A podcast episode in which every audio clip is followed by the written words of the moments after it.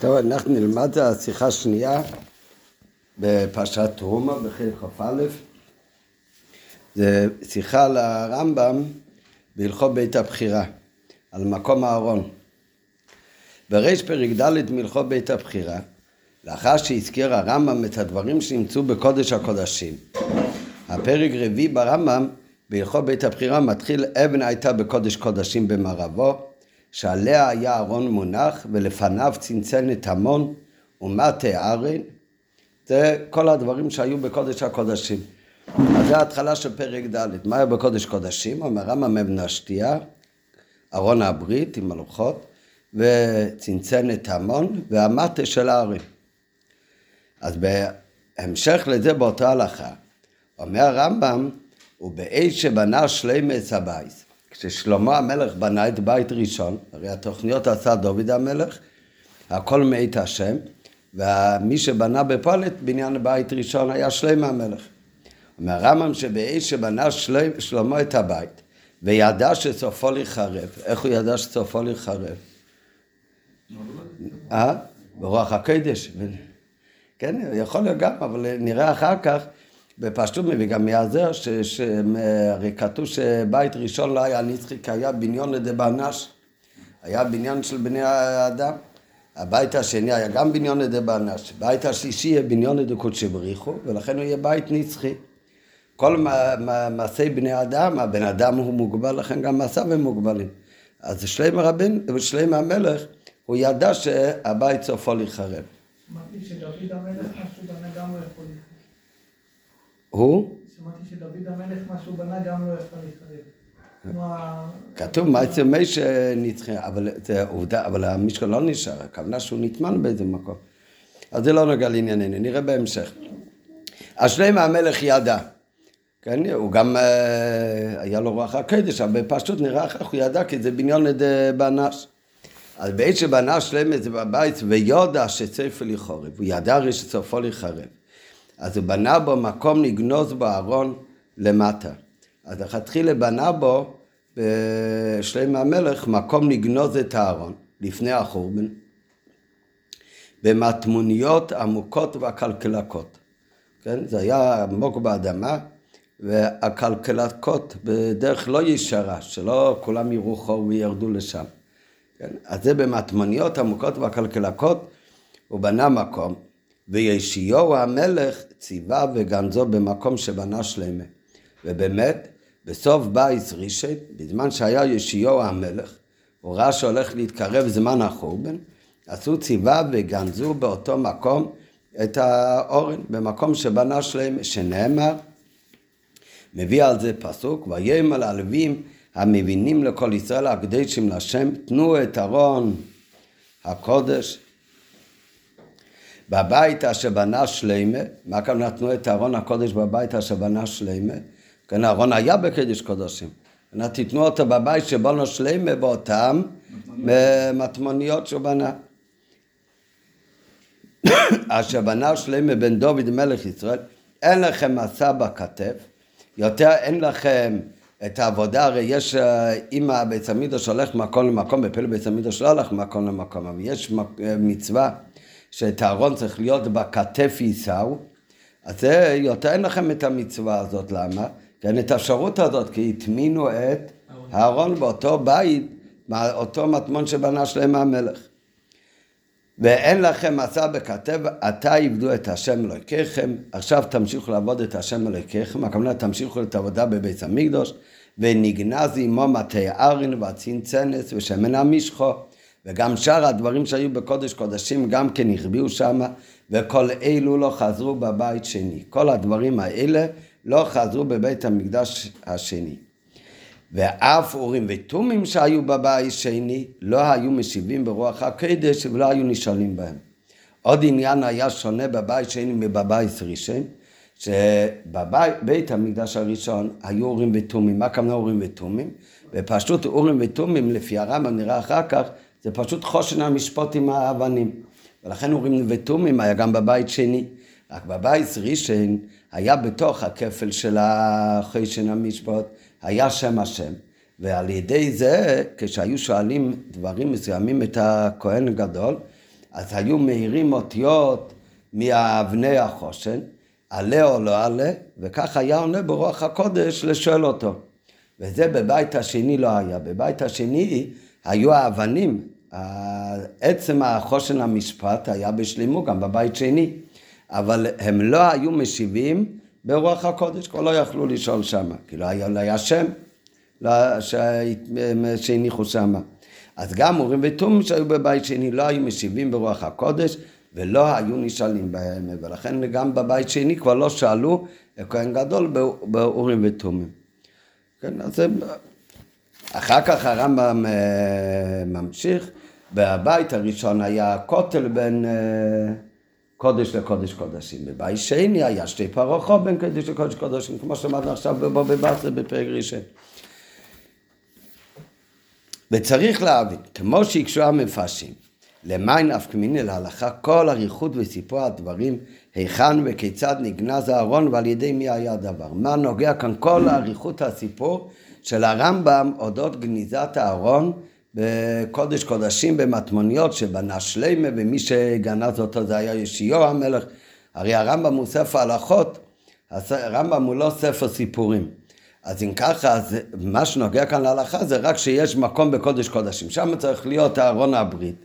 ואולי להוסיף שבבית ראשון יש שם עוד דברים. כן, מה נוגע כאן כל אריכות הסיפור מה עשו עם אהרון אה, בסוף בית ראשון. כן, וזה לא רק שהרמב"ם אומר משהו שהוא נגנז, אלא כותב את כל הסיפור באריכות ששלמה המלך בנה בתחילת בניינו של בית המקדוש כבר את המקום הזה. ואחר כך בתקופה של ישעיהו המלך עשו ציווה לגנוז ומביא על זה פסוק שלם מה הוא אמר אז ללווים יותר לכם מעשר בכוסף ועתה עבדו את השם. מה נוגע כאן כל אריכות הסיפור יתרה מזו. עניין זה מקום ואופן גניזת הארון זה בכלל במחלוקת שנויה. ואם כן לשם מה יחיה הרמב"ם כדברי האחד, כיוון שלכאורה אין עניין זה נוגע לדינה. מה זאת אומרת במחלוקת שנויה? בעצם יש כמה דעות, אבל באופן כללי זה מחלוקת, במסכת יומא זה מחלוקת כללית. אם אהרון הברית גלה לבבל, או שהוא נשאר גנוז במקומו. זה, זה מחלוקת אחד. זאת אומרת, יש דעה שאומרת שהחריבו בית ראשון, אז כמו שהגויים נבוכדנצר, שהחריב את הבית, לקח את כלי המיתוש, לקח גם כן את אהרון הברית. זה דעה אחת, זה אהרון גלה לבבל, הוא הלך לגלות לבבל. הדעה השנייה אומרת לו, אהרון במקומו נגנז. זה מחלוקת אחת. עכשיו, יש עוד עניין. שגם אם הוא לא גלה לבבל, אז יש גם שתי דעות איפה נגנז הארון. יש דעה שאומרת שנגנה, בפשטות זה שלוש אה, דעות. דעה אחת אומרת שהוא בכלל הלך לגלות לבבל, דעה אחת אומרת שהוא נגנז במקום שלו, ויש דעה שאומרת שגנזו אותו בלשכת העצים. הגמרא מספרת סיפור שהיה כהן, שהוא אה, הם, אה, בדק את העצים שאין בהם תולעים, היה לשכה לזה בביס המידוש, והוא ראה ש... אמ, אחד היא לא שווה כמו כולם, אז הוא התקרב לשם כדי לבדוק מה קורה, והוא נראה, כי שם היה מקום איפה שגנזו את ה... אז יש שלוש דעות בפשטות. בהערות בהמשך השיחה הרבי מביא שזה לאו דווקא הכל מחלוקת, כי יכול להיות לא מופרך לומר יש מפרשים שאומרים שגנזו את הארון, אבל כשהגויים הגיעו להחריב את בית המקדוש, אז הוציאו אותו משם והוא גלה לבבל. כן, כמובן, אם הוא גנוז בקדש הקודש, אם הוא גנוז בלישקס או עצים, זה לא אותו דבר. זה שתי מקומות שונים בתוך בית המקדוש. אבל זה שהוא גלה לבבל, זה יש מפרשים שאומרים שכמובן זה מחלוקת באמת אם הוא גלה לבבל או לא, אבל לאו דווקא שלפי הדעה שגלה לבבל לא קרה הסיפור שמספר, הרמב"ם יכול, להיות ישעיהו גנז אותו, ואחר כך הגויים כן מצאו ולקחו את זה לגלות. אבל באופן כללי יש כמה דעות, אם בפל ממש הוא נגנז שם, או שהוא גלה לבבל, או שבכלל הוא נגנז בלשכת העצים, ולכן למה הרמב"ם צריך כאן להכריע בכלל שבפל איפה נמצא אהרון, באותם מחילות שבנה שלמה המלך בתחילת בניין בית המקדוש. כן, מכיוון שזה דבר שתלוי במחלוקת, וזה הרי שאלה שלא נוגע להלכה למעשה. כמובן הרמב"ם גם פוסק בדברים שיש במחלוקת, אבל במה דברים אמורים כשזה נוגע למעשה? כאן זה דבר שתלוי במחלוקת, שאין לזה שום השלכות לכאורה למעשה להלוכה היום. אז אם כך, אם כן, נשאלת השאלה עוד יותר, למה הרמב"ם צריך בכלל להיכנס ולהעריך בזה כל כך? יש מפרשים שזה נוגע להלכה ולכן הרמב"ם באמת מביא את זה. יש מפרשים שאומרים ככה, שהרי ידוע שכשבני ישראל היו בארץ ישראל בבית ראשון, אחר כך בבית שני, אז יש קדושת ארץ ישראל, יש קדושת ירושלים, קדושת ארץ ישראל, נוגע להרבה דינים. מה קרה אחרי החורבן? אז זו שאלה אם כשנחרב הבית, אם קדושה ראשונה קידשה לשעתה, או שקדושה ראשונה קידשה גם לעתיד לבוא. לעתיד לבוא כאן לא הכוונה לימי המשיח, אלא לעתיד לבוא הכוונה לתמיד. אז יש מחלוקת, אם הקדושה שקידשו את כל המקומות האלה בארץ ישראל, קדושת צהורץ, קדושת ירושלים, אם זה לשעתה רק, לאותו זמן שזה היה, או שזה לעתיד, זה לתמיד. אז זה בנוגע לקדושת ארץ ישראל. אבל קדושת המקדוש, קדושת מקום המקדוש, אז על זה הלכה שקידשו לשעתה קידשה לעתיד לבוא. כן, כמו שכולנו יודעים, שבן אדם טמא אסור לו היום לעלות להר הבית למוקם המקדוש. הר הבית זה מקום, יש מקום, אנחנו לא עולים לשום מקום בהר הבית, אבל למוקם המקדוש לעלות. זה איסור כרת. כן? טמא שנכנס למקדוש הוא חייב קורס. נו, מה קורה בזמן הזה שאין בית המקדוש? אז הבן אדם טמא יעלה לשם, אז עדיין זה אסור. למה זה עדיין אסור? כי בנוגע לקדושת המקדוש, קידשה לשעתו, קידשה לעתיד לבוא, הקדושה נשארת. אז יש מפרשים, כך פוסק הרמב"ם, כך גם הלכה. נשאלת השאלה, למה באמת שונה בית המקדוש מכל קדושת האורץ, שעל זה אנחנו אומרים שקידשה לשעתה קידשה, לעתיד לבוא שזה נשאר אותו קדושה שנוגע גם עד היום להלכה, זה נוגע באמת להלכה, טמא אסור לו להיכנס למוקם המקדוש, גם בזמן הזה שאין בית. אז יש מפרשים שאומרים שזה מה שהרמב"ם מעריך בהלכה הראשונה בפרק ד' בהלכס בית הבחירה. שבאמת תלוי קדושת בית המקדוש, הקדושה של בית המקדוש תלוי בארון הברית שנמצא שם. שזה הדבר הכי קדוש שיש בבית המקדוש, זה קדיש קודשים. ולכן מעריך כל כך הרמב"ם שהחביאו בתוך המחילות שבנה שלמה המלך את ארון הברית להגיד שמכיוון שארון הברית נשאר, אז העיקר עניין של קדושת המקדוש נשאר במקומו. לכן באמת קדושת המקדוש נשאר עד עצם היום הזה, וטמא אסור לו להיכנס למקום המקדש. מצד הארון, ככה הם לומדים. יש מפרשים שתרצו, שצורך גדול יש לרבנו בדבר הזה. לפי שיטתו שתפס לו לקמנו בפרק ו' מההלכות הללו, מהלכת בית הבחירה, ששם אומר הרמב"ם שקדושת הבית לא בטלה, שאפילו שקדושת הארץ בטלה, אבל קדושת הבית לא בטלה, למה? דסוב הרבנו. דהך מילתא, זה לא רק הרמב"ם, זה להלכה באמת שקדושת הבייס לא יבוט לו, אבל אומרים המפרשים, היעבד, שהך מילתא הדבר הזה של קדושת הבית ליבוט לו, זה הולך כמאן דסביר לי ארון במקומו נגנס. הרמב"ם סובר שבעצם זה תלוי במחלוקת. אם אומרים שאהרון הלך לגלות בבל, אז באמת בית המקדוש לא קידשו לא עשית לו. לא נשאר קדושת המקדוש במקום הזה. וזה שאנחנו אומרים שקדושת המקדוש נשאר במקומו גם בזמן הזה, זה בגלל השיטה הזאת דווקא שהאהרון נגנז במקומו. ואחר הרמב"ם צריך להגיד את זה להלכה. ועל כל פנים לעניין ביאס המקדוש מסתברא, זה בהוכת עליה ומסתבר באמת לכל הפחות לעניין איסור כניסה של טמא למוקם המקדוש, שזה תלוי באמת באורן הבריס או לא, למה? כי איך כתוב באיסור כניסה? למבית לפרוכת אל פני הכפורת וכולי, שבן אדם טמא אסור לו לבוא לפני מקום של הכפורת, לפני המקום של האורן. אז אם אנחנו אומרים שהאורן נגנז במקומי, אז עד היום יש שם עניין של ארון, אז עד היום יש קידוש של המקדוש. לעומת זאת, אם היינו לומדים שאהרון באמת גלה לבבל ואיננו במקומו, אז אם ככה גם אין כבר קדושת מקדוש. ואז היה אמור להיות הדין שמותר לטמא להיכנס לאותו מקום. כך יש מפרשים שמסבירים. אבל צריך עיון בתירוץ זה, כי בנוסף לזה שהרמב"ם בעצמי מסביר טעם אחר בכלל למה באמת בבית המקדוש הקדושה נשארת ובארץ ישראל הקדושה לא נשארת. הרמב"ם לא אומר שזה תלוי, זה הכל מבייס ראשון לאחר כך. כן, אחרי בית שני יש קדושה שנשאר גם בארץ ישראל הם, בזמן הזה. אבל אנחנו מדברים על קדושה ראשונה של זמן בית ראשון. זה נפקא מיני גם היום, גם כי בבית שני הרי לא כבשו בארץ ישראל את כל אותם מקומות שהיה בבית ראשון, והדין הוא מה שכבשו בבית שני, אז זה לא נוגע לשיחה הזאת, זה עניין אחר. מה ההבדל בין חזקה לכיבוש, אבל שבמה שכבשו בבית ראשון ואחר כך כבשו עוד הפעם בבית שני, אז זה נשאר גם קדושת אורץ, יש תרומס מסו וכולי. אותם מקומות שהיו בבית ראשון, אבל לא התיישבו שם בני ישראל בבית שני, באמת אין בזה קדושת הארץ. למה? כי קדושה ראשונה קידשה לשעתה ולא לעתיד לבוא. אבל זה לא קשור לשיחה כאן, מה שנוגעים כאן זה על מוקים המקדוש. מוקים המקדוש לכל הדעות, מאז בייס ראשון לא זז הקדושה ממקומה.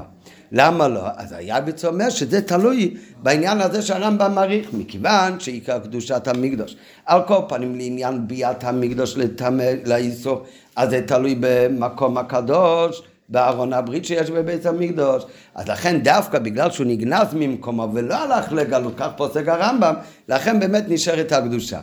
הרב אומר אבל שקשה להגיד את הביוע בזה, כי הרמב"ם בעצמו כותב הסבר אחר. מה אומר הרמב"ם? בנוסף לזה שהרמב"ם בעצמו מבאר את עמו, במה שכתב שקידשה לשעתו וקידשה לעתיד לבוא, שמוקם המקדוש נשאר תמיד קדוש מאז בייז ראשון, אומר הרמב"ם כי קדושת המקדוש בירושלים מפני השכינה ושכינה אינה בטלה. המוקם המקדוש הוא קדוש, זה תלוי בהשראת השכינה. ומכיוון ששכינה זה דבר שלא מתבטל, לכן גם אחרי חורבן הבייס, אז נשאר גם כן הקדושה. זאת אומרת, הוא לא תולה את זה בכלל בארון הברית, אם יש שם ארון הברית או לא, אין ארון הברית. ברגע שנעשה שם השראת השכינה, אז מאותו רגע והלאה לא נשאר. הקדוש אורץ היה תלוי בהתיישבות של בני ישראל במקום. ולכן כיוון שגלו, אז פקה גם כן הקדושה של המקומות האלה, בבית, אחרי תקופה בייס ראשון.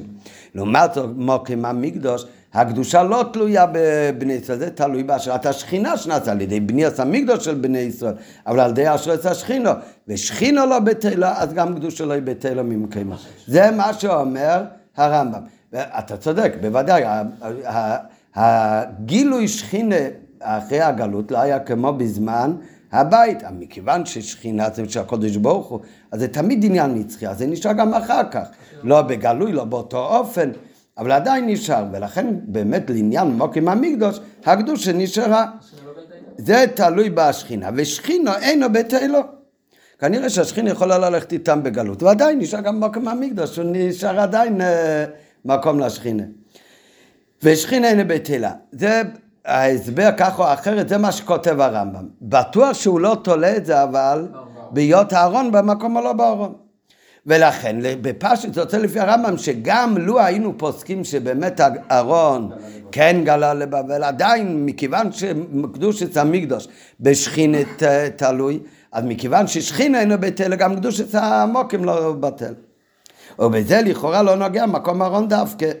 בנוסף לזה, גם בנוסף לזה לא מובן, לפי זה היה לו לרמב"ם לומר בקיצור בפירוש אהרון במקומו נגנס. אז עדיין קשה, למה צריך את כל אריכות הסיפור, מי בנה את המקום ומתי ומי היה המלך שציווה לגנוז אותו ומצטט את הפסוקים, כל אריכות הסיפור הוא עדיין מיותר. וגם העיקר הדגשה חסר, כי אם ככה, ההדגשה הייתה אמורה בעיקר להיות ארון במקומו, מה הכוונה במקומו? בקודש הקודושים. אהרון במקום מניגנס, שבזה תלוי כל השכונה, הקדושה של בית המקדוש לפי התירוץ הזה. אבל הרמב"ם, הרי לא, דבר שהוא מעריך, והוא גם כן, הוא לא אומר את המילים אהרון במקומו נגנס, אלא מה לשון? בעת שבנה שלם את הבית, בנה בו מקום לגנוז בו את הארון. מה זה בנה בו מקום? לא במקומו. זה, זה לאו דווקא, זה יכול להיות בקדש הקודשים, זה יכול להיות גם בלשכת העצים, זה גם יכול להיות במקום אחר. זה בכלל לא מהלשון, אם עיקר הדגשה שהרמב"ם רוצה להגיד, שהקדוש של המוקים תלוי בארון שמונח בקדש קודשים, וזה לא השתנה, היה צריך להגיד, ובנה, ונגנז אהרון במקומו. להדגיש שזה נשאר אותו דבר. אבל הרמב"ם הרי לא אומר נגנז במקומו, הפוך, הרמב"ם אומר, כשבנה שלמס הבית, בנה בו מקום. מה זה בו? זה לא, זה לא שולל את קדוש קודשים. אז על מה הולך המילה בו בפשטות? בנה בית, כשבנה שלמס הבית זה כל בית המקדש, הוא בנה בו מקום לא יודע איפה. כן, חוץ אם אנחנו אומרים שזה בא בהמשך לתחילת ההלכה, אבן הייתה בקודש הקודשים, ובנה בו חוזר למה שכתוב לא לפני משפט הקודם בנה, בנה את הבית, אלא זה הולך על המשפט לפני הקודם, בקודש הקודשים. אבל זה לא מוכח על כל פנים. נראה אחר כך כמובן, גם לפי ההסבר שהרב יסביר, הכוונה ברמב"ם שאיפה גנזו את הארון? בקדש קודשים דווקא. רק ב, אם זה כל הפירוש, מה שמדנו עד עכשיו, אז זה לא כל כך בולט מצד המילה, במקומו, זה היה מדגיש, גנז את ארון במקומו, זה במקומו בקדש קודשים. כשבנה שלמס הבייס, בנה בו מקום, אז זה לא, בכלל לא מדגיש איפה זה נמצא. הרבי ממקום, מסיבה אחרת יכריח אחר כך, שבאמת הכוונה ברמב"ם זה דווקא בקודש הקודשים, ולכן הוא גם לא צריך להגיד את המילה במקומו. אבל זה כבר נראה בהמשך בביור של הרבי. ואילו הרמב"ם, א' הוא סתם בנה בו מקום לגנוז בו את הארון, כאשר יש מקום לפרש את בו מתייחס למילה בית שנזכר קודם בסמוך לו, ולא על הקודש קודשים שכתוב לפני פניו, ונמצא שהעיקר חסר מן הספר. העיקר שלפי הפירוש של היבץ, שקדושת המקדוש נשארה מכיוון שהאורי נשאר בקודש קודשים דווקא, לא כתוב כאן בכלל. שהאורים במקיימי ניגנס לא מודגש בדברי הרמב"ם. הרי לפי היבץ זה שהקדושה תלויה לא התבטלה זה מכיוון שהארון נשאר במקומו דווקא, הוא מדגיש באמת במקומו נגנז, אבל רמב"ם לא מודגש במקומו נגנז, לכאורה. אף על פי שאמר כבר מקודם, גם לפי הביר שנלמד אחר כך, בוודאי הפירוש של הרמב"ם זה במקומו נגנז. למה הוא לא צריך להגיד במקומו? זה, כי זה מובן מאליו לפי הביר של הרב. ב. לא הביא על זה את הכתוב המובא בגמרא ויהי שם עד היום הזה, שמודגש בו שאהרון נמצא גם עכשיו במקומו. נכון, גם כאן, כמו מה שאמרנו מקודם, גם לפי הביר שאנחנו נלמד בדברי הרמב"ם, בפשטות הכוונה שאהרון נמצא שם עד היום הזה. אבל זה לא מה שכתוב במפורש ברמב"ם. הרמב"ם רק אומר שטמנו אותו בזמן יאשיהו המלך. לפי היה ושכל מה שהרמב"ם מביא את זה, זה רק להגיד שלכן נשאר המקום קדושת המקדוש. אז צריך הרי להדגיש שזה נגנז ונשאר שם עד עצם היום הזה, כי בזה תלוי בזה שיש היום קדושה במוקם המקדוש. ורק מה, בפשטות היינו יכולים להגיד שזה תלוי אחד בשני. אם הוא נגנז במקומו, אז הוא שם עד היום הזה. לכן אמרתי כבר מקודם, הרי מביא בהערות שזה לא מוכרח. כי נכון יש מחלוקת האם אהרון הלך לגלות או לא, אבל גם לפי הדעה שאומרת שגנזו אותו, יכול להיות שאחר כך מצאו אותו והוציאו אותו. כך שזה לא מוכרח. ואויד ועיקר, העיקר, מה שנשאר קשה לפי הפירוש הזה, שהדבר בכלל לא מתרץ למה הרמב"ם מביא את הדעה שיאשיהו גנז את אהרון. פרט שאינו נוגע כלל לשאלה אם אהרון במקומו נגנז או בלשכסו עצים. כן, העניין הזה שישעיהו גנז אותו, מה זה נוגע כאן בכלל להלכה, לפי המפרשים האלה, העיקר מה שנוגע להלכה שאהרון נגנז במקומו. אז את ההדגשה שזה נגנז במקומו לא כתוב בכלל ברמב"ם. לעומת זאת, מי גנז אותו שזה היה בזמן ישעיהו המלך, שזה לכאורה לגמרי לא נוגע לעניין לפי זה, את זה כן מביא הרמב"ם. יתר על כן, בשני העניינים, מקום גניזת אהרון ועל ידי מי הוא נגנז, מעריך רמב"ם כמה וכמה פרטים. הוא דבר ראשון שלכאורה לא נוגע לעניין ההלכה, הוא מדגיש ששלם המלך הוא זה שבנה את המקום לגניזת הארון. אחר כך מוסיף הרמב"ם שאיפה המקום הזה נמצא למטה במטמוניות עמוקות והקלקלקות. דבר שלישי, שיאשיהו המלך ציווה וגנזו, ולא שגנזו סתם. ד' שגנזו הוא מדגיש עוד פעם, איפה גנז אותו יאשיהו המלך? באותו מקום שבנה שלמה. הרי כבר אמר מקודם שמי בנה את המקום? שלמה, זה צריך להגיד, ויאשיהו גונזו שם. אבל הוא לא אומר יאשיהו גונזו שם. הוא אומר ויאשיהו גנזו במקום שבנה שלמה. עוד פעם מדגיש שזה היה באותו מקום. וגם מעריך הרמב"ם מביא על זה ראיה מהפסוק וו' ומעתיק מהפסוק גם את המילים ללווים המבינים לכל ישראל הקדושים להשם בן דוד מלך ישראל אין לכם מסע בכתב עבדו את השם אלוקיכם וגמר שלכאורה אינן נוגעות להוכחה שיאשיהו המלך ציווה במקום שבנה שלמה היה צריך להביא רק את ההתחלה של הפסוק שהוא אמר, שהוא אמר להם תשימו את ארון במקום שבנה שלמה וזהו כן, כל המשך, והוא אמר להם, ולכן עכשיו אין לכם יותר עבודה בכתף, ורק תמשיכו לעבוד את השם אלוהיכם. מה זה נוגע להוכחה שישוע המלך גנז אותו? ומה נפקוסה לדינה מכל הפרטים הנ"ל. זה שהרב מביא כאן את כל האריכות של הרמב"ם, מחלק את זה לשישה פרטים, זה כי לפי הביור שנלמד אחר כך, והרב הרמב"ם רוצה לחדש כאן, מובן שכל אריכות הדברים של הרמב"ם וכל השש פרטים האלה, זה מדויק ונוגע לעיקר החידוש של הרמב"ם רוצה כאן להביא. לעומת זאת, לפי הפירוש, שכל מה שהרמב"ם מביא כאן זה רק בשביל לתת את ההסבר ואת הסיבה. למה קדושת המקדוש נשארת תמיד, אז כל האריכות של השישה פרטים האלה הוא מיותר לגמרי. גם צריך להבין עוד ג' מפשטות לשון הרמב"ם, וידע שסופו לחרב, אז בנה במקום משמע ששלם בנה מקום זה בבית המקדוש מדעת עצמי. לכאורה משמע, למה שלם המלך בנה את זה? אומר המפורש, כי שלם ידע שסופו יחרב. אז מה זאת אומרת? שהוא, כתוב שכל בית המקדוש בנו על פי מה שהקדוש ברוך הוא ציווה צריך להיות תבנית המקדוש. אז ממה נפשך? אם לכתחילה זה היה חלק מתבנית המקדוש, אז לא צריך להגיד ששלמה המלך בנה את זה, כי הוא ידע שסופו לחרב. וגם אם הוא לא ידע שסופו לחרב, אם זה היה חלק מהתוכניות שהוא קיבל דרך הנביא מאת השם, אז אם יש שם גם לבנות מקום במטמוניות הכלכלקות, אז הוא יבנה אותם. גם...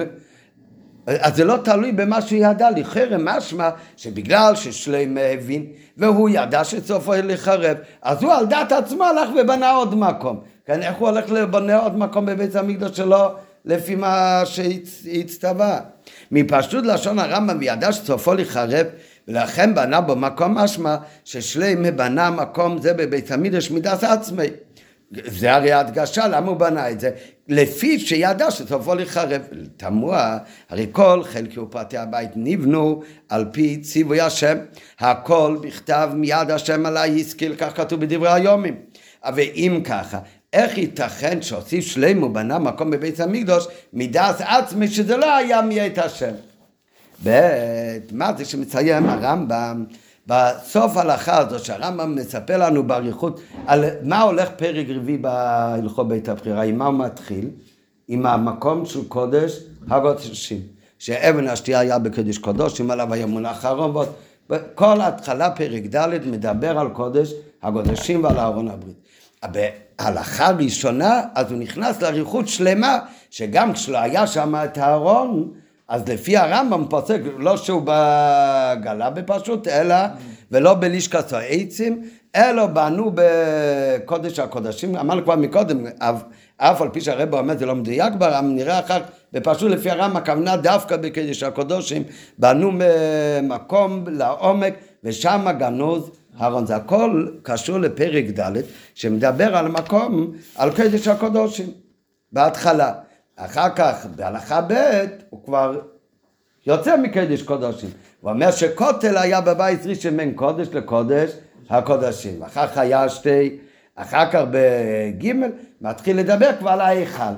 לא, אבל זה הכל מדובר על המקום של המקדוש. אז זה שהוא מדבר מה קרה עם הארון שלפני החורבן החביאו אותו שם, ולכן הוא אומר גם שהוא לא חזר בבית שני, בבית שני לא היה ארון בקדש קודשים. זה נוגע קצת למוקם, לדעת מה קורה בקודש קודשים, אבל מה נוגע כאן כל הסיפור שגם אורים ותומים לא חזרו בבית שני. כן, מה זה, האורים ותום זה היה בחשן, היו 12 אבנים, והם העירו כששאלו את הכהן, בבית שני זה לא עבד, ובכל זאת, אבל היו אורים ותומים, רק לא היו נשאלים בהם. מה זה נוגע כשאנחנו מדברים על ארון הברית ועל קודש? הקודשים, איפה זה צריך להיות כתוב? בפרק הבא, כשמדברים על הבגדים של, של כהן גדול, על שמונה בגדי כהן גדלה. והאמת ששם הרמב"ם באמת יביא את זה עוד הפעם. למה שם הרמב"ם יביא את זה? זה מובן, כי שם זה המקום שלו. כשהוא מדבר על בגדי כהן גודל, הוא מדבר על החשן ועל האבנים ועל אורים ותומים. הוא אומר שהיה בזה הבדל בין בית ראשון לבית שני. אבל למה זה נוגע? שכאן כשהוא אומר לנו מה היה בבית ראשון בקודש קודשים ונחסר בבית שני בקודש קודשים. הוא אומר ואף אורים ותומים גם כן לא היו בבית שני כמו בבית ראשון. נו מה זה נוגע? בסדר אבל מה זה נוגע לכאן? אנחנו נגיע.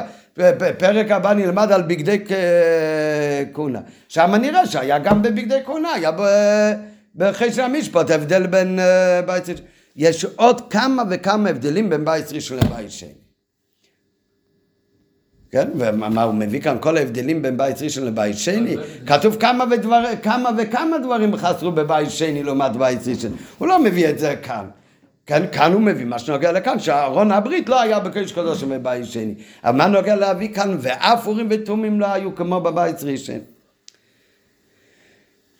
ב' מהו שצים הרמב"ם מתנה לבריחו בדברים אודות אורים ותומים בבית שני לכאורה. יש באמת צד שווה בין האורים ותומים לאורן, ששניהם לא חזרו בבית שני, אבל כל עניין האורים ותומים אין מקומו בהלכו בית הבחירה, כי אם אצל ביגדי כהונו. שמקומם בהלכס כלי המקדוש שבו עבדים בו זה בכלל בהלכות הבאות. ובאמת שמה הרמב"ם באמת גם כן מזכיר את הדבר ושם זה באמת המקום שלו. ולשם מה מביא הרמב"ם עניין זה גם כאן בהלכות בית הבחירה.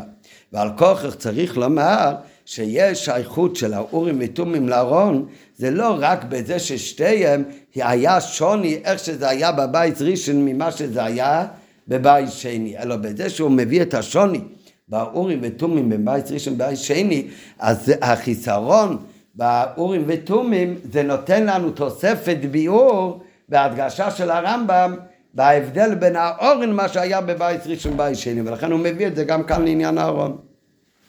ומהי תיימה הובא הדבר בהלכות אלו ביחד עם דיני אהרון. ויובן זה בהקדים דיוק בנוגע למקום שבו קבע הרמב"ם הלכה זו. עכשיו אנחנו נלמד את הביוש של הרבי, מה הרמב"ם רוצה להדגיש בעיקר בהלכה הזאת, ולפי זה נראה אחר כך איך שמסתדרים כל השאלות שהרבי שאל על ההתחלה, וגם את כל הדיוקים ולמה נוגע כל כך גם כל אריכות הביאור של הרמב"ם. אז נגיד בעל פה רק את, תוכן הביאור, ואחר כך נלמד את אריכות הביאור מבפנים. הרב אומר שעיקר מה שהרמב"ם בא להדגיש כאן, שכשבנו את בית המקדוש, בבית המקדוש יש קודש ויש קודש הקודשים. ובקודש קודשים זה המקום הכי קדוש של השעת השכינה, שם נמצא גם כן ארון הברית. ובפשטות זה אה, מסביר כאן בשיחה שארון הברית הוא לא סתם כמו כל הכלים שהיו בבית המקדוש. יש מצווה שיהיה בית המקדוש, ויש מצווה שבתוך הבית המקדוש יהיו כלים, מנורה, שולחן ומזבח הפנימי ומזבח החיצון, וכל.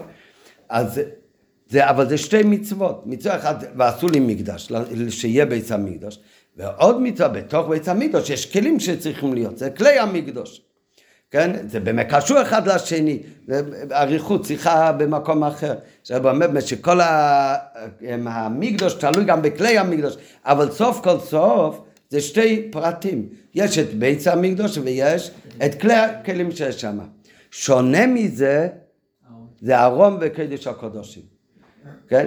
ופשוט זה גם קצת אה, מובן, זה...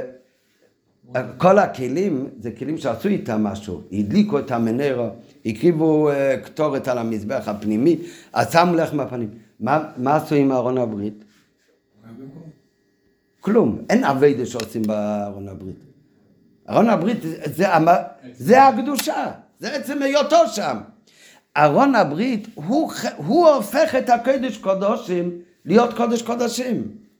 המקום של קודש קודשים, השלמות שלו, כשיש שם ארון. המקום של קדש קדושים, שהמקודש ביצר, זה תלוי בדבר המקודש ביצר שיש שם, שזה ארון הברית. אז ארון הברית זה לא דבר נוסף, כמו שיש את, את ההיכול ויש מנרו בתוך ההיכול. כן? הקדש קדושים זה לא יש קדש קדושים ויש ארון שמונח בקדש קדושים. הקדש קדושים תלוי בזה שיש שם אורן. זה, זה חלק מהמקום, זה לא כלי רק, זה כלי, אבל הכלי הזה הוא חלק מהמקום. אם ככה, ו, וזה לא סתם, זה הקדש קדושים, זה הכי קדוש בכל בית המקדוש. אז אם, אני חושב שלמדנו פעם שיחה על שיש שעה שאומרת מה היה עיקר בבית המקדוש, המזבח, מחום ביוצק, הרמב"ם מתחיל, ויש שהרמב"ן אומר שמה העיקר, זה, זה ארון הברית, זה בקדש קודשים. והרי מסביר שזה לאו דווקא מחלוקת, בפנימיות העניינים זה תלוי על מה מדברים. אם מדברים מצד עבודת המקדש, מלמטה למעלה, אז מהו העיקר? המזבח לזבאי שמקריבים בי קורבנות. זה מצד העבודת של היהודים. מצד השראת השכינה, מצד השראת השכינה זה באמת מהו העיקר? זה האורן, זה מוקם אורן, זה קדש קדוש, משם העיקר השראת השכינה. משם מתפשט לכל הקדש ולכל אילום כולי. אז על כל פנים בקודש הקודשים, אז הרבי ידייק שהארון זה לא, יש קדש קודשים ויש כלי שהוא ארון, הוא מונח שם. כמו שיש קדש ויש שם את המזבח ואת המנר ואת השעון שמונח שם. אורן הברית הוא הופך את, הוא חלק מהמקום של קדש קדושים. הוא הופך את המקום להיות קדש קדושים. אבל אם ככה נשאלת שאלה אז אם ככה כשאין האורן בקדש קדושים אז חסר כאן הרי עיקר העניין של קדש קדושים בפנימיות. אם בקדש קדושים תלוי כל קדושה של אשרת השכינה חסר כאן עיקר של בית המקדוש בכלל ועל זה אומר הרמב"ם באמת אף פעם לא חסר אורן בקדש קודשים. תמיד יש אורן בקדש קודשים. רק מה איך יכול להיות שתמיד יש אורן בקדש קודשים? אם אנחנו אומרים שהיה ארון ואחר כך בגלל החורבן אפילו אם הוא לא גלה לבבל אלא הלכו והחביאו אותו בלישקת העצים באיזה מקום. או יותר מזה הלכו אז וחפרו מקום בקדש קודשים אפילו ואז החביאו אותו. נו אז עדיין קדש קודשים זה כבר לא נש... אותו מוקם הקדש קודשים כמו שהוא צריך להיות. כי העיקר חסר כאן כי מוקם האורן הארון לא נמצא במקומו. גם תחביא אותו שם למטה. על זה מגיע הרמב"ם.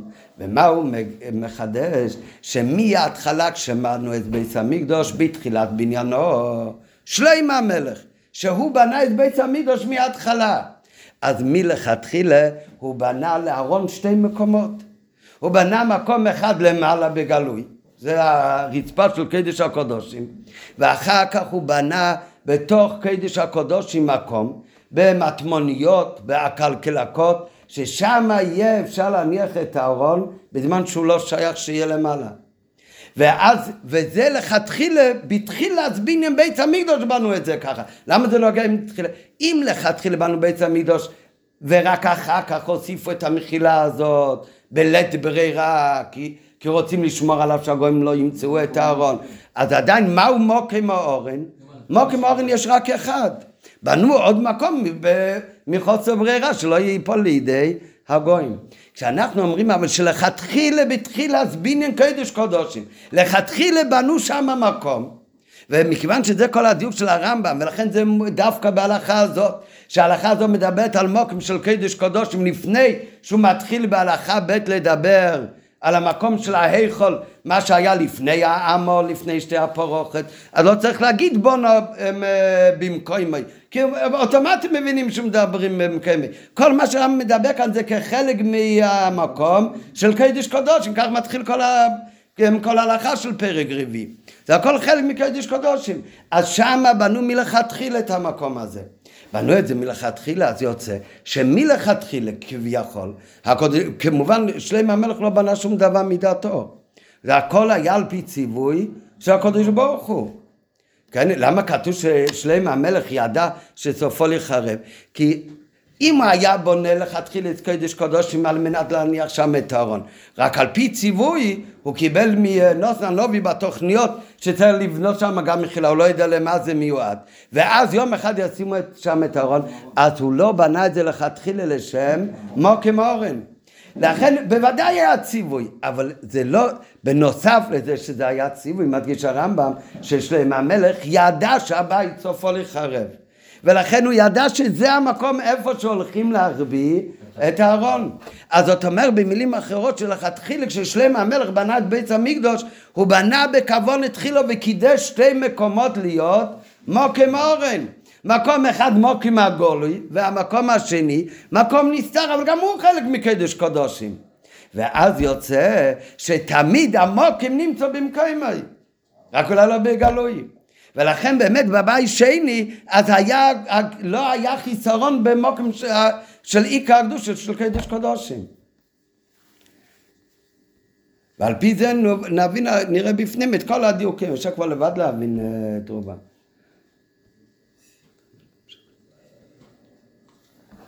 ולכן הרמב"ם גם מסיים את ההלכה הזאת, עם מה הוא מסיים את זה?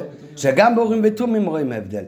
כן, יש כמה דברים שיש הבדל בין בית ראשון ובית שני. מה הרמב"ם רוצה להגיד? אורים ותומים, בבית ראשון היה, היה מגיע המלך, היה לו שאלה, היה נעמד מאחורי הקן גודל ושואל אותו, וכמו שהרמב"ם מתאר, והוא היה מסתכל והיה רואה על, ה, על האבנים שזה מאיר, והיה אומר לו, תעלה למלחמה או אל תעלה. ובבית שני, זה לא עבד, זה לא עבד. נו, אז מה, בבית שני הכהן גדול הלך בלי חוישן המשפט? הוא הלך עם חוישן המשפט. הוא היה מכוסה בגדים, כי האורים ותומים לא עבדו לגמרי.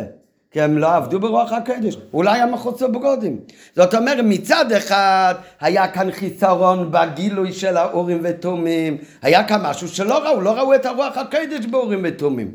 מצד שני היה חיסרון באמת בשמונה ביגדי כהן גודל, היה נחשב למכוסה בגדים חס וחלילה, היה כל השמות של שמונה בגדים.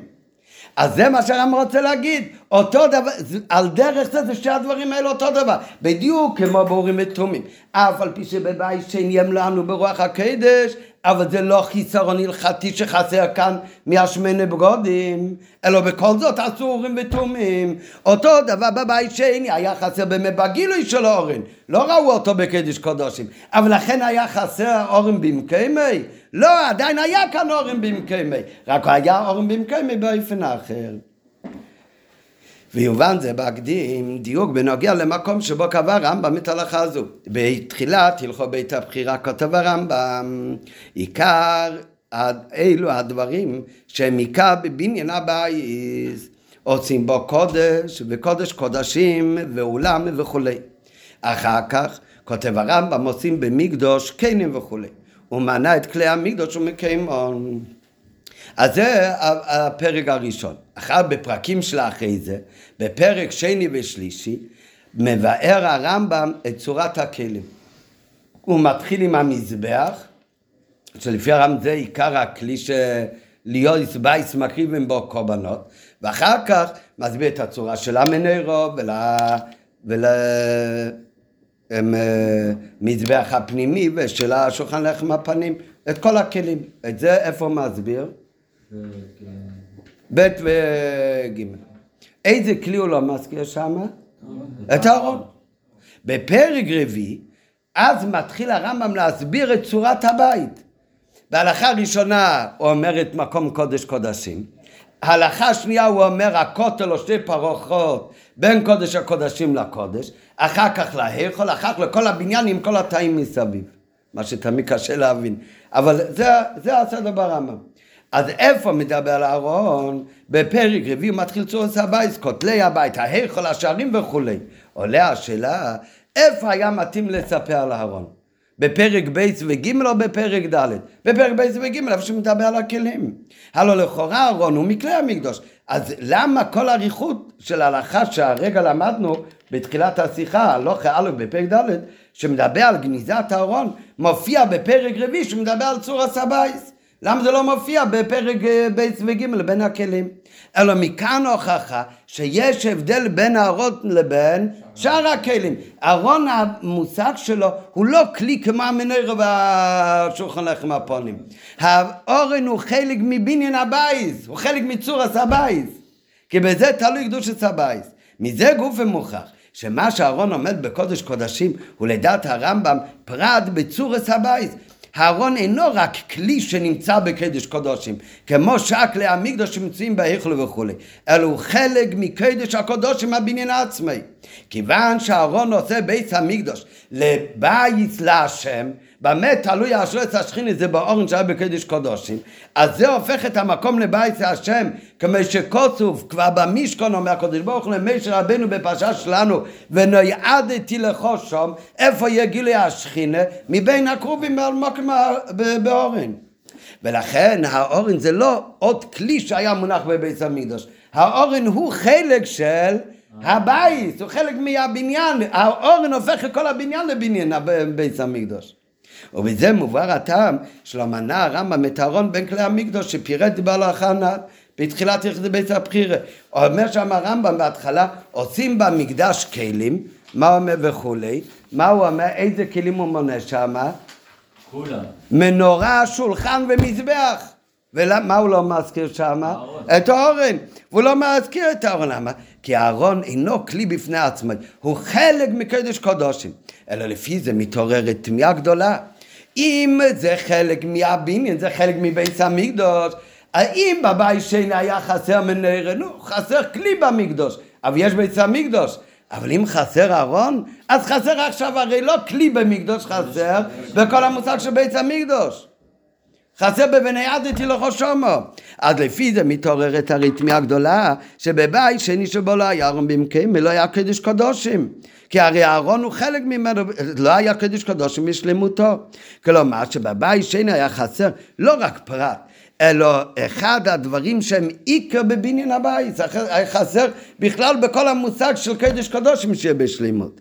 וכדי לסלק תמיהה זו, מעריך הרמב"ם אודות גניזת הארון, שעל פי המיובן שגם בבית שני לא היה חיסרון בבניין הבית. כי בניין הבייס תלוי באמת בזה שהארון יהיה במקומי. וזה מה שהרמב"ם רוצה להדגיש לנו בהלכה הזאת שכתוצאה מזה ששלמה המלך בנה וגונזו ישיהו המלך וכולי וכולי נראה אחר כל הדיוקים. אז נמצא שגם בבית שני אפילו שבגלוי לא היה אורן אבל עדיין היה אורן במקומי בצורה מספיקה שהמקום נחשב לקדש קדושים בתכלס. ואביר בזה במר שכתב הרמב"ם בית שבנה שלמס הבייס. בנה בו מקום לגנוז בו את הארון, אין כוונתו להכריע היכן נגנז הארון. הוא לא בא כאן להגיד להלוכה, הרי יש מחלוקת אם הלך לגלות או נגנז בלשכת העצם או נגנז במקומי. זה מה שהרמב"ם רוצה כאן להכריע, זה רמב"ם לא צריך להכריע לנו הלכה שלא נוגע, למעשה הוא כן מביא דווקא שיטה אחת. הוא מכריע כמובן בדעה שזה נגנז בקדש קדושים, אבל לא בשביל להכריע בין המחלוקת, אלא בשביל להגיד לנו שהאורן נמצא במקומוי. וזה חלק מקדש הקדושים. זה, אין כוונתו להכריע איך הנגנז הארון. שהרי מה שהיה, היה. הוא מכריע, אבל לא זה המטרה שלו. אלא כוונתו בזה לחדש דין בבניין הבית. גניזת הארון לא הייתה רק עניין של בדיעבד ולית ברירה. מפחדים שהגויים באים, אז בואו נחביא את הארון. אלא בבניין הבית נקבע מלכתחילה שיהיה לארון כביכול שני מקומות בבית המקדוש. אחד מקום גלוי על אבן השתייה בקדש קודשים. ב' מקום עבור גניזתו למטה מקדש קודשים. במטמוניות עמוקות ועקלקלות. וגם מקום זהו מלכתחילה חלק מן הבייס עשו את זה לכתחילה כשבנו את זה בית המקדוש, וזה היה חלק מקדושת קדש הקודשים. כלומר, גניזת ארון זה לא עניין נוסף על בית המקדוש שנעשה כדי לגנוז ולשמור את הארון בשעה שיתעורר צורך לכך. אלא זהו דין בבניין הבית, כשם שלצור שלמות המקדוש יש הכרח שיבנה מקום קדש קודשים שבו יעמוד הארון באופן גלוי. כך צריך בית המקדוש מלכתחילה שיהיה לו מקום גניזה בקדש הקודשים עבור הארון ובזה מובטחת נצחיותו של קדש קודשים בהיות הארון חלק עיקרי ממנו.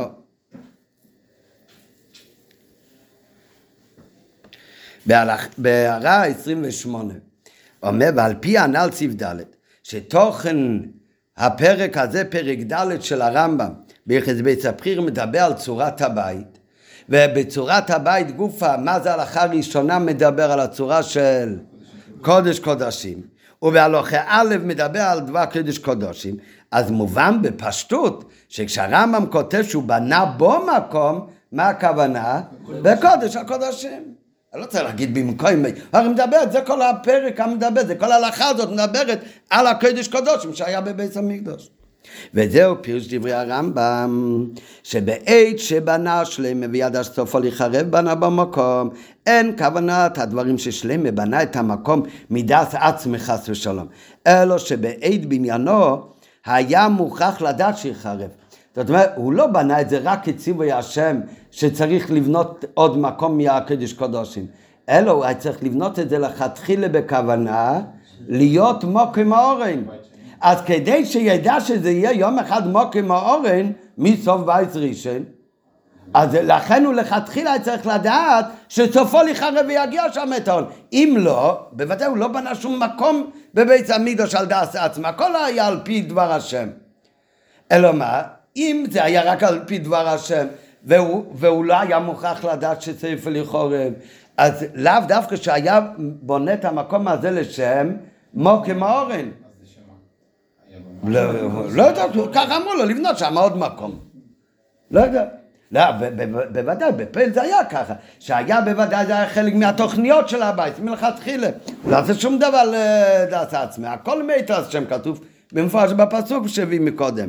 אלא הכוונה שבנוסף לזה שזה היה ציווי השם, גם בזמן שהוא בנה את זה, זה היה מוכרח לדעת שיחרב ונצטווה ובנה את מוקם הגניזה, כדי שזה יקבל מלכתחילה גדר של מוקם האורן.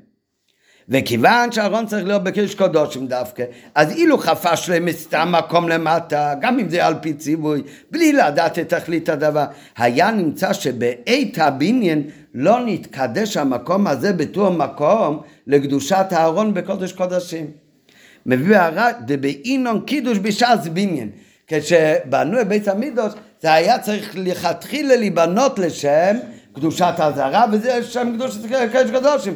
לכן כשהוא בנה את המחילה הזאת, היה צריך לבנות את זה לכתחילה לשם מקום ארון. ואז מובן עוד יותר, כמה שלא היה חסר אחר כך, שום דבר מצד דין של קדוש קדושים. כי הקדוש קדושים תלוי באמת שהארון במקומו. אבל באמת הארון היה במקומו, לכן לכתחילה עשו כאילו שתי מקומות לארון.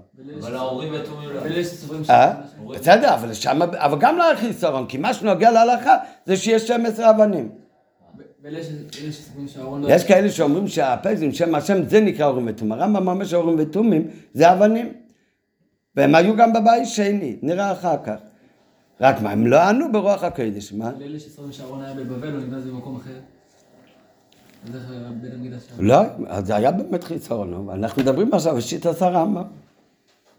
לא המקדש בכלל? לא, לא שלא היה בכלל. לא. היה חסר חלק עיקרי, או שלשיטתם אולי האורן הוא כלי כמו המנהרה.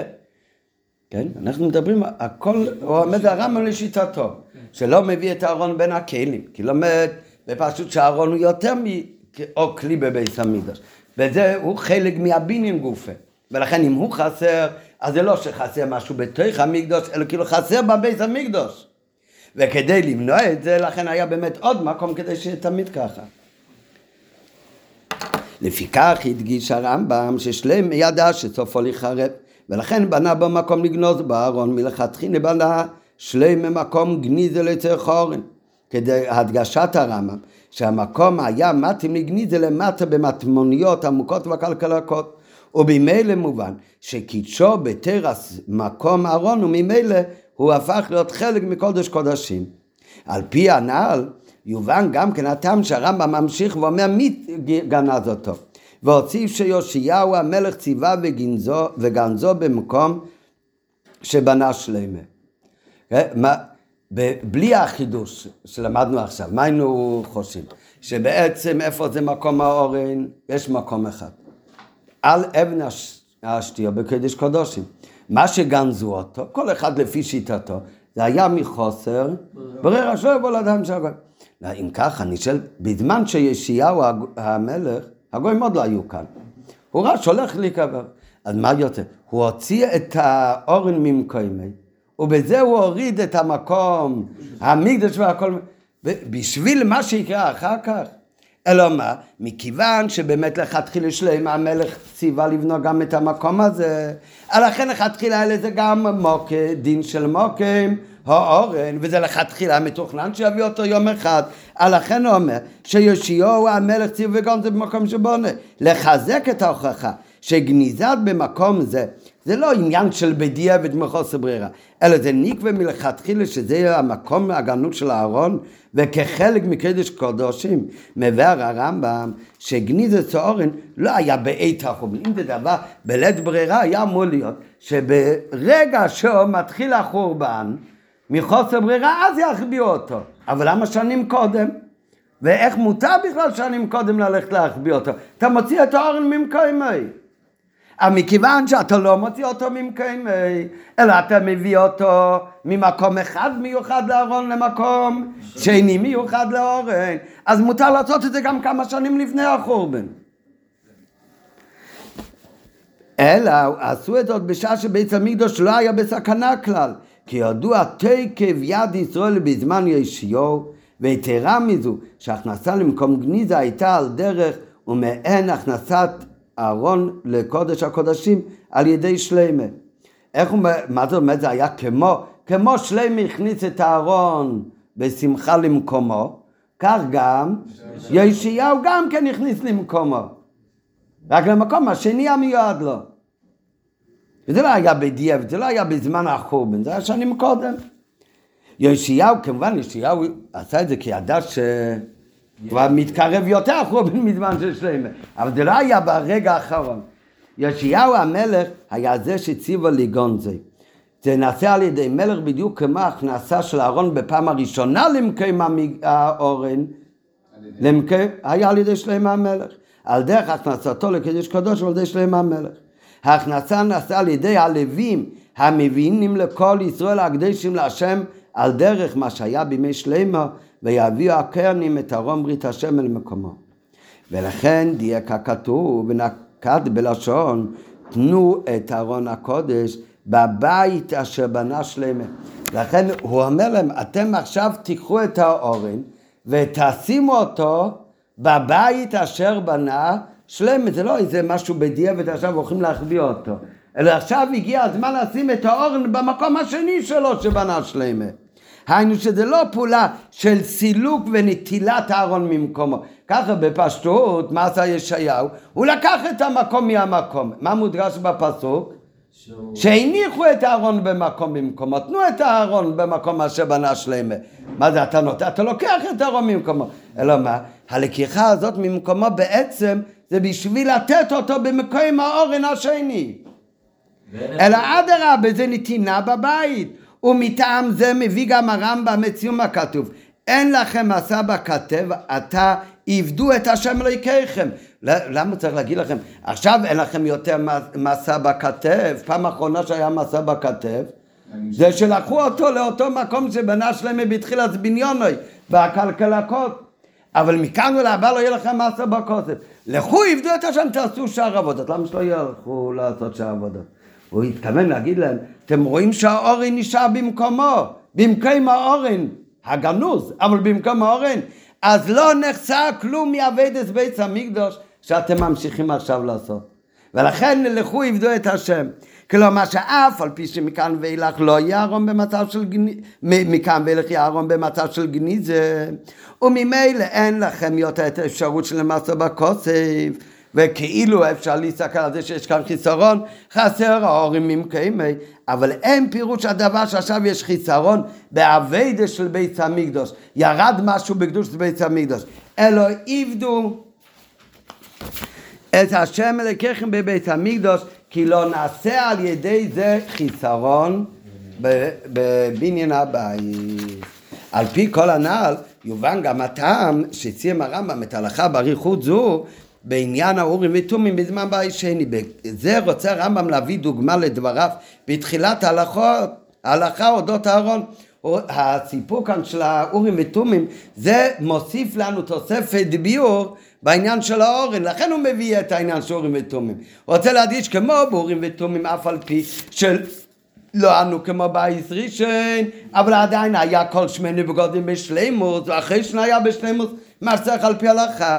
אותו דבר גם לעניין האורן, אף על פי שלא ראו אותו עכשיו, אבל היה בשלימוס במקומו. רק במקומה, לא שהכינו מלכתחילה. בכך מביא רמב"ם דוגמה לדבריו בתחילת ההלכה אודות אהרון, שגם בבית שני היה אהרון בשלמות אנו במקיימי, אף על פי שהיה בכך שינוי גדול בגלוי. בגלוי הרי יש הבדל גדול, בבית ראשון ראו את אהרון כשנכנסו לקדש קודשים, בבית שני לא ראו, נכנס, נכנס הכהן גודל ביום כיפר, והיא זו בין בדי אורן, ולא היה שם אורן בכלל, היה צריך לעזוד על uh, לפני uh, אבן השציו. היה ריק, נכנס בקדש קדוש למקום ריק. אז בגולוי בוודאי היה הבדל גדול. רק בפנימיות, על פי הלכה, באמת זה לא נחסר בעניין של האורים במקיימת. אז זה שכן, מצינו גם לעניין אורים ותומים בבית שני. האורים ותומים לדעת הרמב"ם היו בשלמותם גם בבית שני. הוא מביא לפי הרמב"ם המילה אורים ותומים זה לא הולך על, על שם השם, האורים ותומים זה הולך על האבנים שבחשן, והם היו בשמו גם בבית שני. רק מה, היה בהם אמנם שינוי גדול, שמה שהם לא היו משיבים, קולם לא נשמע, היינו שהיה חיסרון בגילוי שלהם כאורים ותומים.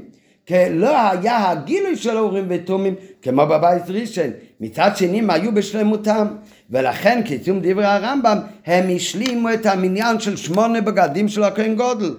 אותו דבר כאן, אף על פי שבגילוי בוודאי יש הבדל גדול. כאן היה אורן בגולי בקדש קודשים, וכאן לא ראו את אורן בקדש קודשים. אז זה הבדל בגילוי, אבל עדיין העניין היה בשלמות, בדיוק כמו שהשמני בגודים היו בשלמות, אף על פי שהיה חסר ברוח הקדש לאורן ותומים. על פי כל הנ"ל נמצא חידוש והפלאה, לא רק בקשר לשלמות מלאך וקדושת הבית שני, שגם בזמנו היה קודש קודשים בשלמותו ואהרון במקומו, אלא בכך מתבארת מעלה גם בקדושת בייס ראשון. כן, בפשטות, למה זה נותן לנו? את, את, את, כל הדיוק ברמב"ם, זה הכל בשביל להבין שגם בבית שני, או גם, לא נחסר, נכון, כתוב בסיס, בצד שבבית שני היה פחות גילוי שכינה מבבית ראשון, זה עוד פעם, זה גם בגילוי. אבל בעצם העניין של קדושת המקדוש, אז באמת לא היה חיסרון בבית שני מבבית ראשון. אפילו לשיטת הרמב"ם, שהבית תלוי בארון במקומו, כי גם בבית שני היה גם כן, זה גם נקרא הארון שהיה במקומו. לא, אבל בבית ראשון זה לא נותן, לא מרוויחים מהפלפול הזה שום דבר. כן, בסוף בית ראשון, אז כבר גנזו כמו בבית שני. אבל האמת שזה נותן לנו תוספת ביו לא רק בתוספת קדושה בבית שני, שהיה על דרך הבית הראשון, כי גם בבית שני היה אורם במקיימי. זה מוסיף לנו גם תוספת ביאור ומעלה בבית ראשון. למה? בפשטות לומדים שבית ראשון, וכך כתוב במפורש, הוא לא היה נצחי, היה בחור בן. בית שני לא יכול, למה? הוא הרי נחרב כפשוטי, עד שבנו אותו עוד הפעם. לפי מה שלמדנו עכשיו, יש חלק בבית המקדוש שהוא תמיד נצחי, שלא היה בו חורבן. ולא סתם חלק, אלא החלק בזה תלוי כל בית המקדוש. מה זה? זה שהארון נמצא במקום בקדש הקודשים. אם באמת מה היה מוקים האורן בקדש קודשים רק למעלה בגלוי, אז הבייס ראשון, אז אולי היה נצחי, נחם נחב עד הסוף. אבל אם אנחנו אומרים שאיפה שהטמינו את הארון באותן מטמוניות, זה גם נחשב מוקם אורן, וזה לכתחילה שלמה המלך בנה כחלק מבית המקדוש וקדושת קדוש קודשים, שנעשה על ידי אורן במקום אז יוצא הרי שזה גם אחרי החורבן, זה אף פעם לא הפסיק. לא בחורבן, וזה נמשך כל תקופה זה בית שני, וגם אחרי בית שני. ולכן יוצא שהחידוש הנ"ל זה לא מוסיף לנו הפלאה רק בנוגע לשלימות של בית שני שגם בזמנו היה קידוש קדושים בשלימות ואורם במקמי זה גם מבאר לנו את המעלה של בית ראשון שמה זה מרוויחים מזה שאף על פי שבחיצניס לא היה בית ראשון בני נצחי אלא היה יכול להיות ואכן היה בו חורבן הבית אבל בפנימיות גם בו ניתן עניין מסוים של נצחיות. בבית ראשון ישנו מקום גניזה שבו לא היה חורבן והארון נמצא במקומו עד היום הזה. אז יוצא שיש עניין מתחילת בית ראשון שבנה שלם המלך עד הרגע הזה, עד שיבונה בית המקדוש השלישי וגם אז, שהוא נצחי לא ילום ועד. מה זה הדבר? המוקם האורן של קדש קודש בבית המקדוש, עליו לא היה חורבן. כן, שהוא גם קדוש בקדוש קדש קודשי. אבל קדש קודשי מהגלוי מלמעלה נחרב. הקדוש של קדוש של זאת המקום, אבל הקדש קודשי נחרב הרי. אבל המקום הזה הוא הרי לא נחרב. אז יש הנה ניטרו של בית המקדוש, נראה אחר, הוא אומר שאף על פי שיש שני, שלישי, אבל בתוכן זה דבר אחד שנמשך מהראשון, וזה רואים גם כאן, שיש עניין אחד שהוא עובר, שהוא מתחילת בית ראשון עד הבניין שייבנה על ידי משיח צדקנו. מה שקדושה ראשונה קידשה לשעתו וקידשה לעתיד לבוא, אז לפי זה יוצא עכשיו, זה מצד קדושת המקום מפני השכינה. אבל כאן מחדש הרמב"ם בפשטות לומדים שאף על פי שהיה חורבן, עדיין היום לטמא אסור לעלות להר הבית למוקם המקדוש. למה? כי כמו שאמרנו מקודם, הרי שכינה אין בה ביטול, ולכן מוקם, אשרו השכינה, מוקם המקדוש, הוא תמיד נשאר. אבל בפשטות מה חושבים מה תמיד נשאר? הקדושה של המקום. אבל מה עם המקום עצמו? הבית המקדוש נשאר. לפי מה שלמדנו עכשיו, נשאר בית המקדוש. יש מקום קטן שהוא מורבה שם, שנשאר שם מוקם המקדוש. לכן הקדוש שלו היא, היא נצחית. זה לא רק מצד קדושת המקום בגלל השכינה, כאן מחדש הרמב"ם עניין עמוק יותר. גם העניין של הבניין גופה יש בו עניין. יש חלק שהוא לשייטה ולא צידלובי. קדש הקודשים נבנה מלכתחילה באופן שיש בו מקום גניזה לשעתו ולעתיד לבוא. לכן מי שעולה היום על הר הבית חס וחלילה אסור ללכת לשם. אז זה לא רק שאסור לו למה? כי המקום הוא מקום קדוש. הוא נמצא בבית המקדוש. יש שם עדיין חלק מבית המקדוש. אה? כמו עצם הלו"ז. מה, לבד חשבת על ה... אה? כן, נראה. טוב, יובל אומר זה כמו עצם הלו"ז, גם תחילת המייסים, נכון יהיה גוף חדש, אבל הכל יתחיל מעצם הלו"ז. יש משהו שנשאר כל הזמן, ומזה ייבנה הכל. טוב, אולי, אולי זה דומה. על פי הענן, גם נוסף עומק חדש בקשר בין שלושת בית המקדש. זה לא שישנם שלושי, שלושה בתי מקדש, מקדש נפרדים, שיש להם שייכות זה לזה, אלא בעיקרם, בתוכן העיקרי שלהם זה בעצם בית אחד. בית המקדש וכן השלישי זה לא בית חדש בחלק עיקרי, אלא זה, זה הבית הראשון שכל פעם נבנה עוד הפעם. רק מה, איך רואים גם בגשמי שזה אותו בית שנבנה עוד הפעם? שיש מקום אחד שהוא תמיד נשאר בשלמוסי. כבר בבניינו של בית ראשון נקבע עניין שהוא לשייטה ולא צידלובי. שלם המלך בנה כבר חלק גם של בית שני וגם בית שלישי. זה הרי המקום שהוא היה המוקם גם בבית שני. עבור הבית שני והשישי זה עניין נצחי. ויש לומר שעל דרך זה הוא גם בתחיית המתים. כן, ב... כתוב שיורד סברה לעולם, אז מי שאחר כך מנות זה כבר פחות חידוש. אז יובל, אף על פי שהוא עוד לא ראה את המשך השיחה, לבד כיוון לעניינו האמיתי. ויש להם שעל דרך זהו גם בתחילת המייסים. זה לא הפירוש שאז ייברו גופים חדשים לגמרי, אלא הגופים ייברו מעצם לוז, שהיא עצם הגוף שלפני זה, שבה אין שייך שום חורבן והפסד, וממנו ייבנה הגוף מחדש. אז מה יוצא בעצם? שתחילת המתים זה המשך לגוף הראשון. יש משהו אחד שנשאר מההתחלה עד הסוף.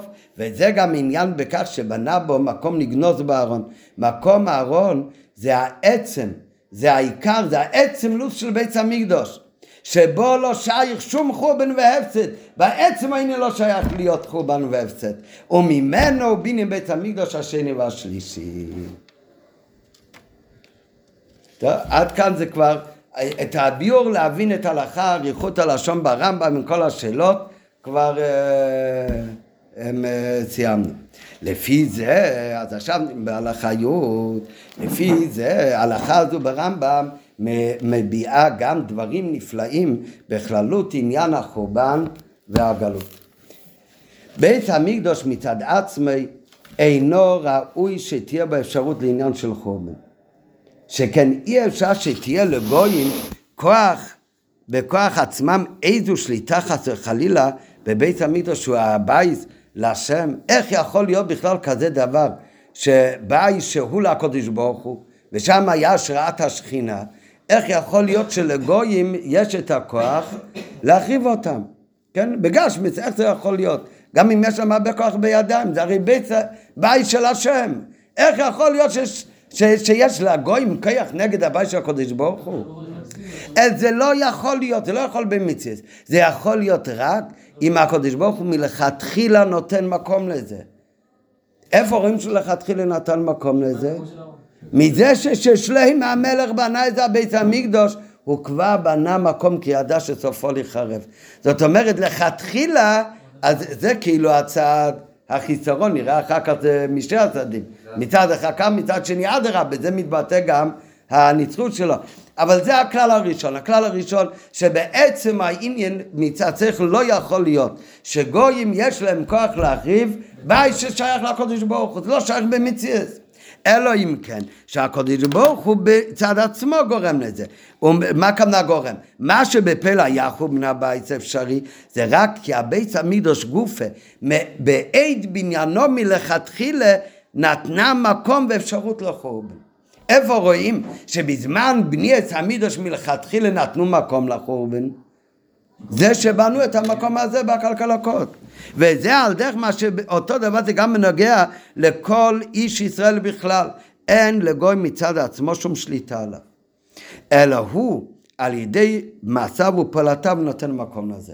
אותו דבר זה גם כן, כתוב ששום גוי לא יכול לשלוט על יהודי. איך רואים בפל שגוי כן יכול לשלוט על יהודי? זה רק אם היהודי הוא זה שגוי... נותן מקום לגוי לשלוט עליו. במה היהודי נותן לגוי את הכוח לשלוט עליו? בזה שיהודי לא עובד את השם כמו שצריך להיות, אבל בזה הוא נותן ניסים סמוקים לגוי לשלוט. אם מצד עצמי הוא לא היה עושה את הפתח, את הניסים סמוקים לגוי שישלוט עליו, אין לגוי שליטה עליו. אותו דבר, בית המידוש זה דבר שגוי לא יכול לשלוט עליו, אלא אם כן בית המידוש לבד פותח את הפתח שיהיה לו אפשרות. רק כאן זה לא על ידי עבירו, כאן בבית המקדוש זה על ידי שלכתחילה הוא נבנה באופן כזה שיש לו ניסים לסמוקים גם לעניין של חורבן. יתרה מזו, לא זו בלבד שיש שיהיה לגוי שליטה על יהודים, להבדיל, זה בסוגריים כאן, לא יודע אם זה קשור כל כך לטכנה, אבל להבדיל גם ליהודי, ואפילו לבית דין של מעלה כתוב, אין שליטה על יהודי. ולכן איפה רואים את זה? והדין שהם פוסקים על יהודי חייב להיות בהסכמתו של היהודי. זה פיטר שהבעל שם טוב אשר מביא בכמה מקומות שדין וחשבון יהודי כשאיך אה, משמיים קובעים את הדין עליו עושים לו לראות אותו מעשה שמישהו אחר עושה. ולפי איך שהוא ישפוט אותו כך ישפטו אותו. כן, מה זאת, מה צריך את ההסכמה שלו? אלא כדי שאפשר לעשות דין עם יהודי, זה רק על ידי שהוא בעצמו פותח את הפתח, הוא עושה את הדין בעצם. רק אף אחד לא יעשה דין על עצמו. אז מראים לו מה שהוא עם, מישהו אחר, ולפי מה שהוא קובע על מישהו אחר, אז זה מה שיעשו גם בו. טוב, וזה מה שכתב הרמב"ם. שאיך באמת היה אפשרות של חורבן, זה בגלל שבזמן שבנה שלמת המקדוש, לא זו בלבד שידע שיחרב, אלא הוא, הוא כבר עשה מעשה בפועל. הוא הכניס וקבע בתוך הבניין גופה מקום לחורבנו. מה זה המקום הזה? זה מה שבנה בו מקום לגנוז בו את הארון. אבל זה כבר, מקודם באוטס הוא אמר שהעניין של בית אותו מקום זה מבטא את הנצחיות של בית המקדוש. שהמקום הזה הוא הרי עובר מבית ראשון עד לבית שלישי, זה כמו עצם לוז. זה הנצחיות של המקדוש. כאן עכשיו, באות י' לחרא, מדבר על עניין הפוך לגמרי, שזה שהיה יכול להיות חורבן בבית המקדוש, זה רק אם לכתחילה בית המקדוש נותן נתינת מקום לזה. כי מצד עצם העניין גוי לא יכול אה, להרחיב בית המקדוש. איפה רואים את הניסין סמוקים? זה בזה ששלם המלך הוא לא רק ידע שיחרב, אלא הוא בנה את הבית המקדוש בצורה שיהיה מוכן גם לחורבן. כאן זה הצד השני, כאילו הצד השלילי בעניין הזה. רק מה? מזה גופה, שבזמן בניין בית המקדוש, אז יחד עם כל השמחה וההתלהבות הגדולה שהייתה, על מה חשב שלם המלך? הוא חושב על... על חורבן. הוא חושב שיהיה גם מצב של חורבן. הוא, על, על מה מחשבתו של שמן נתונה? דווקא לחורבן הבית. ולא רק מחשבתו נתונה על זה, אלא הוא עוד עושה פעולה בהקשר לזה. מזה מובן שבאמת גם החורבן נוגע ומביא לתכלית של בניין הבית. למה באמת בבניין הבית אתה עכשיו מכין מקום שיכול להיות אפשרות גם לחורבן. שהוא הנצין עצמוקים לחורבן? אלא מה מזה גוף ומשמע שבאמת בשביל בניין הבית נוגע שיהיה גם חורבן. כמו שכתוב שאף על פי שחומן זה מפני חטאינו גלינו מארצנו ונעשה חורבן, אבל בפנימיות כל הירידה, אפילו הירידה הזאת זה לצורך עלייה. כי אם היה בית ראשון באופן נצחי, אז לא היה חורבן, אז הרי בית ראשון זה בניינא דבר, דבר נש, לכן הוא גם לא יכול להיות נצחי. אבל דווקא בגלל זה יש עניין של חורבן כדי שאחר כך יהיה בניין בית שני שהוא נעלה יותר מבית ראשון. ואחר כך היה חורבן בית שני כדי שיהיה נעלה יותר שזה בית שלישי. לא מסביר כאן מה זה המעלה של בית ראשון. מצד שני צריך להיות דווקא חורבן שיכול להיות גם כן בית שני שהוא נעלה יותר. אבל למדנו את זה עכשיו בקיץ על הבית ראשון זה הגיל אלוקוס מלמיילו למטו, אבל אחר כך צריך להיות העבודה של המשוך אלוקוס מלמטה למעלה, זיקו חמטו זה בעיקר בבית שני, אז יש בו מעלה. ותכלית השלמות זה בית המקדש השלישי, שיהיה לו שתי המעלות. כל זמן שניגש המעלה הראשונה לא יכול לבוא לידי ביטוי לגמרי הדאגה של המעלה השנייה. אז זה כל ירידה, אפילו ירידה כזאת של חורבן הבית, בפנימיות זה הכל בשביל צורך העלייה, שיבנה בית עוד יותר נעלה. וגם הבית השני, הירידה והחומן זה שיבוא לידי עלייה עוד יותר גדולה. לכן הרי בזמן הבית נכנסו גויים להיכל והקרובים היו מורים זה בזה. אז אה, כתוב בחסיד זה לא רק כי אה, בחום בית המקדוש ניצלו בני ישראל, שהקדוש ברוך הוא הוציא את אה, העונש על העצים והאבנים ולא, אלא זה יותר עמוק מזה, זה קשור לעצם עניין בית המקדוש. בזמן חום בית המקדוש זה הדבר הכי חשוך, אבל בעצם זה הכל כדי שיהיה ניסי סמוקים למקדוש עוד יותר נעלה ועוד יותר גבוה. כמו מעלת התשובה על עבודת הצדיקים על דרך.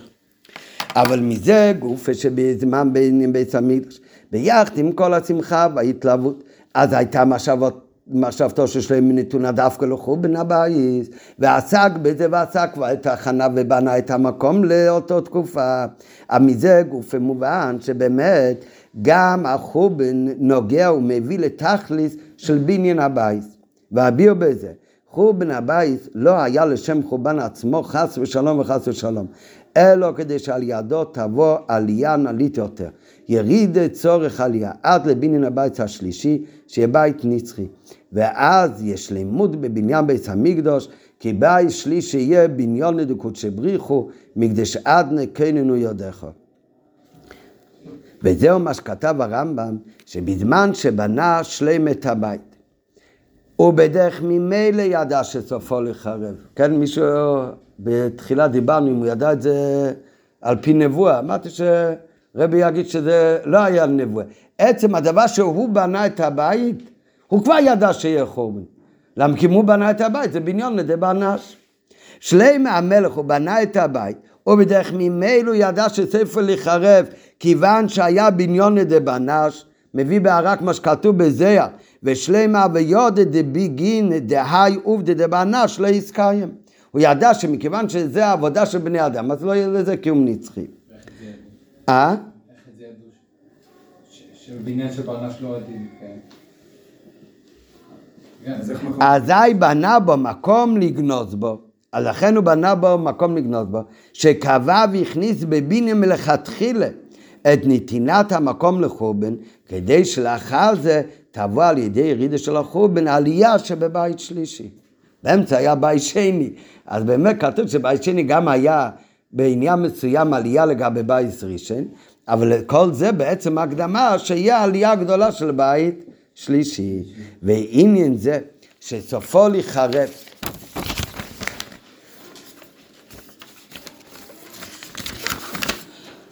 הוא לצורך עלייה של אחרי זה, זה מודגש במעשה זה גופה שעשה שלמה.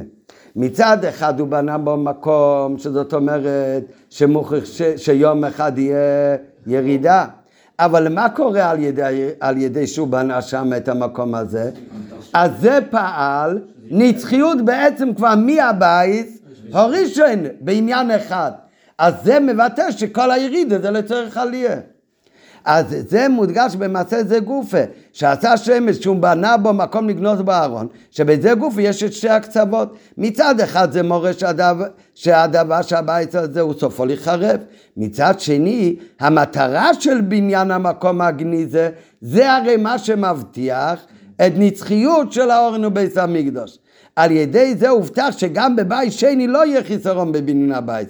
ויצרו מזה, הדבר הבטיח שהאורן גופי יישאר בשלמותו וממנו ייבנה מחדש הבית השלישי כנ"ל צפתס כמו העצם, כמו העצם עושה. אז העניין הזה שמצד אחד הבני, הבנייה של המקום הזה שבנה שלמה זה מראה שיש מקום לירידה מצד שני זה גוף ומראה שהירידה היא לצורך עלייה שהפנימס כוונה של הירידה זה הנצחיות לכן רואים יחו המקדש, זה בניון לידי באנש. לא יכול להיות שהוא קיום נצחי. בן אדם מוגבל, אז גם המעשים שלו מוגבלים. לכן זה נחרב. מצד שני זה מוקים לקודש ברוך הוא. לכן יש בזה גם נקודה נצחית, ולכן היה בו גם מוקים נצחי. זה מבטא שגם שיהיה ירידה, אבל דווקא הירידה היא בעצם לצורך עלייה. דווקא על ידי הירידה יוכל להתגלות הנצחית בגלוי שבבית המקדוש השלישי. ולכן זה מרמז גם הרמב"ם במה שהוא אומר, איפה, מה הוא בנה את המקום. הוא בנה מקום, אז הוא אומר שלוש מילים, מטמוניות עמוקות והקלקלקות. מטמוניות זה מטמון, עמוקות, זאת אומרת שמגיעים לעומק ולדאגה הכי גבוהה בקדושה. ואיך מגיעים לעמוקות, לעומק הכי גבוה בקדושה? על ידי הקלקלקות. דווקא כשיש עניין של ירידה, ובגלוי זה עניין של חשך. אבל דווקא על ידי זה, זה ירידה לצרך עלייה, מגיעים אחר כך לעלייה, וזה מגלה את הנצחיות של העניין. ועל פי זה יש לפרש גם כן בפנימיות העניינים את שלוש הלשונות שכתב הרמב"ם אודות המקום שנגנז בארון, מטמניות עמוקות והקלקלקות. וכך מרמז הרמב"ם לעילוי שנוסף במקדוש על ידי זה שבנה בו מקום לגנוז בארון. אף על פי שבחיצוניות היה דבר קשור לעניין החורבן. סופו להיחרב. הנה דווקא באמצעות ירידה זו נעשה על ידי התיקון והתשובה על, יד, על הירידה עלייה התגלות בחינה מטמוניות עמוקות המדרגות הכי נעלות באלוקות שמצד עצמם הם לא יכולים לבוא לידי גילוי כמו מטמון הוא צריך להיות טמון וגנוז מטמוניות העמוקות לשון רבים עומק עומק מי ימצאנו אשר על ידי עבודה רגילה באופן ישר אי אפשר שיהיה נמשכות. אי אפשר על ידי האביידה בדרך עיר יושר להגיע לדרגות האלה, כי זה דרגות שהן עמוקות למעלה ממה שיכול לבוא לידי גילוי. איך הם כן יכולים לבוא לידי גילוי?